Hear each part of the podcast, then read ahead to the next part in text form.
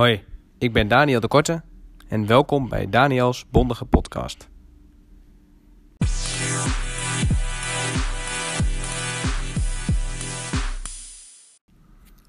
Ik zit in mijn eentje op kantoor en ik dacht een mooi moment om een podcast op te nemen.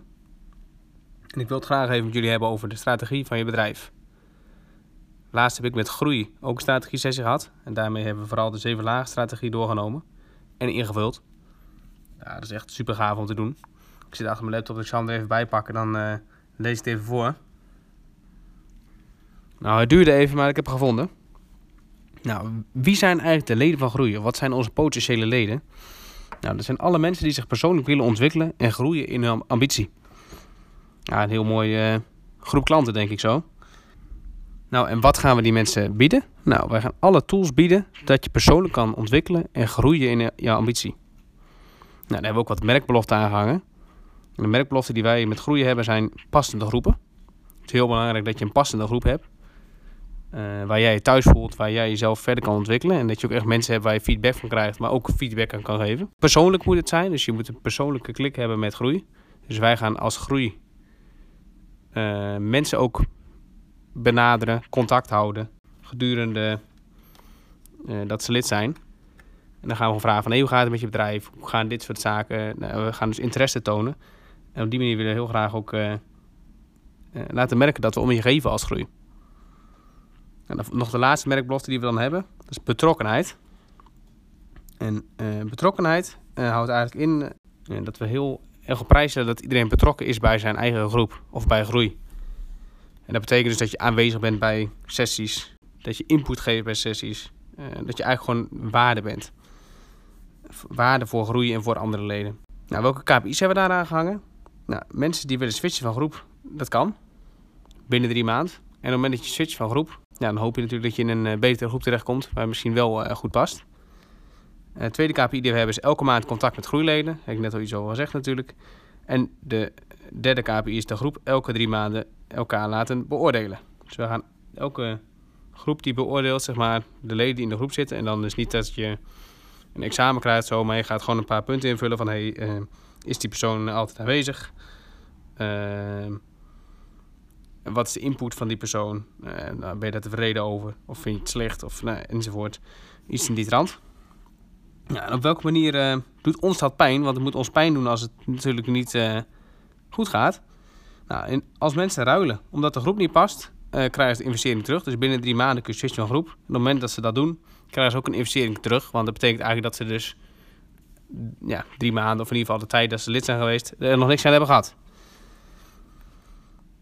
Uh, tweede punt is uh, wanneer we geen contact hebben opgenomen, dus dat we geen contact hebben opgenomen vanuit groei met de leden, om ze verder te helpen, betalen die leden die maand geen lidmaatschap. Dus wij gaan zorgen dat we elke maand minstens één keer een contactmoment hebben met de leden. En een slechte beoordeling bij punt 3 van minder dan twee punten is ontbinding van het lidmaatschap. Nou, er staat die twee punten, maar dat is even als voorbeeld. Uh, ligt er even aan hoe dat de beoordelingsformulier invullen. Maar goed, op het moment dat je dus geen energie erin steekt en geen motivatie die je toont, dan krijg je een ontbinding van je lidmaatschap. Nou, dat gaat natuurlijk niet zomaar gebeuren, want op het moment dat je goed binnen je groep valt, uh, dan uh, gaat dat gewoon niet gebeuren. Maar stel dat jij echt helemaal je best niet voor doet, dan ben je ook geen waarde voor groei. Dan ben je dus ook geen waarde voor je andere leden. En daar heeft de groep ook minder aan dan de bedoeling is. Dus dan mensen zeggen wij van, hé, hey, je krijgt nog een lidmaatschap en je krijgt je geld ook eventueel terug. Dus wij gaan daarom ook zorgen dat we allemaal betrokken leden hebben. Want ons doet dat pijn. Want een lid die betaalt natuurlijk een x, x bedrag en wij hebben liefst zoveel mogelijk leden. Maar op het moment dat je dus niet je best doet ervoor, nou, dan, ja, zulke leden moeten we eigenlijk niet hebben, want dan gaat het weer van de waarde van groei af. Kijk, en daar ben je dan best wel even mee bezig om, daar uh, om dat goed neer te zetten, om dat te bedenken. Uh, je moet het natuurlijk allemaal wel mee eens zijn ook. Uh, dus ze hebben even goed voor gezeten. Het heeft zeker wel een dag geduurd. Om eigenlijk dit kleine stukje al neer te zetten. Maar goed, dan hebben we nu voor elkaar wel heel duidelijk een richting. En ook eigenlijk voor de leden van hey, hier staan wij voor. En dit is echt goud voor je bedrijf. Als iedereen dit zo neer kan zetten. Dat iedereen het mee eens is. Dat je allemaal duidelijk weet van hey, wat zijn je klanten?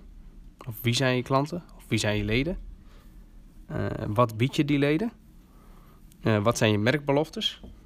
Dus bij ons zijn het dus passende groepen, persoonlijk en betrokkenheid. Nou, en wat zijn je KPI's die daar aan vasthangen? om, de meet, om het meetbaar te maken natuurlijk. En stel dat je die merkbelofte niet waarmaakt, nou, waar doet het je dan pijn? Zodat het ook een motivator is voor jou als bedrijf of als uh, community om te zorgen dat dat niet gebeurt. Of dat je de KPI niet haalt.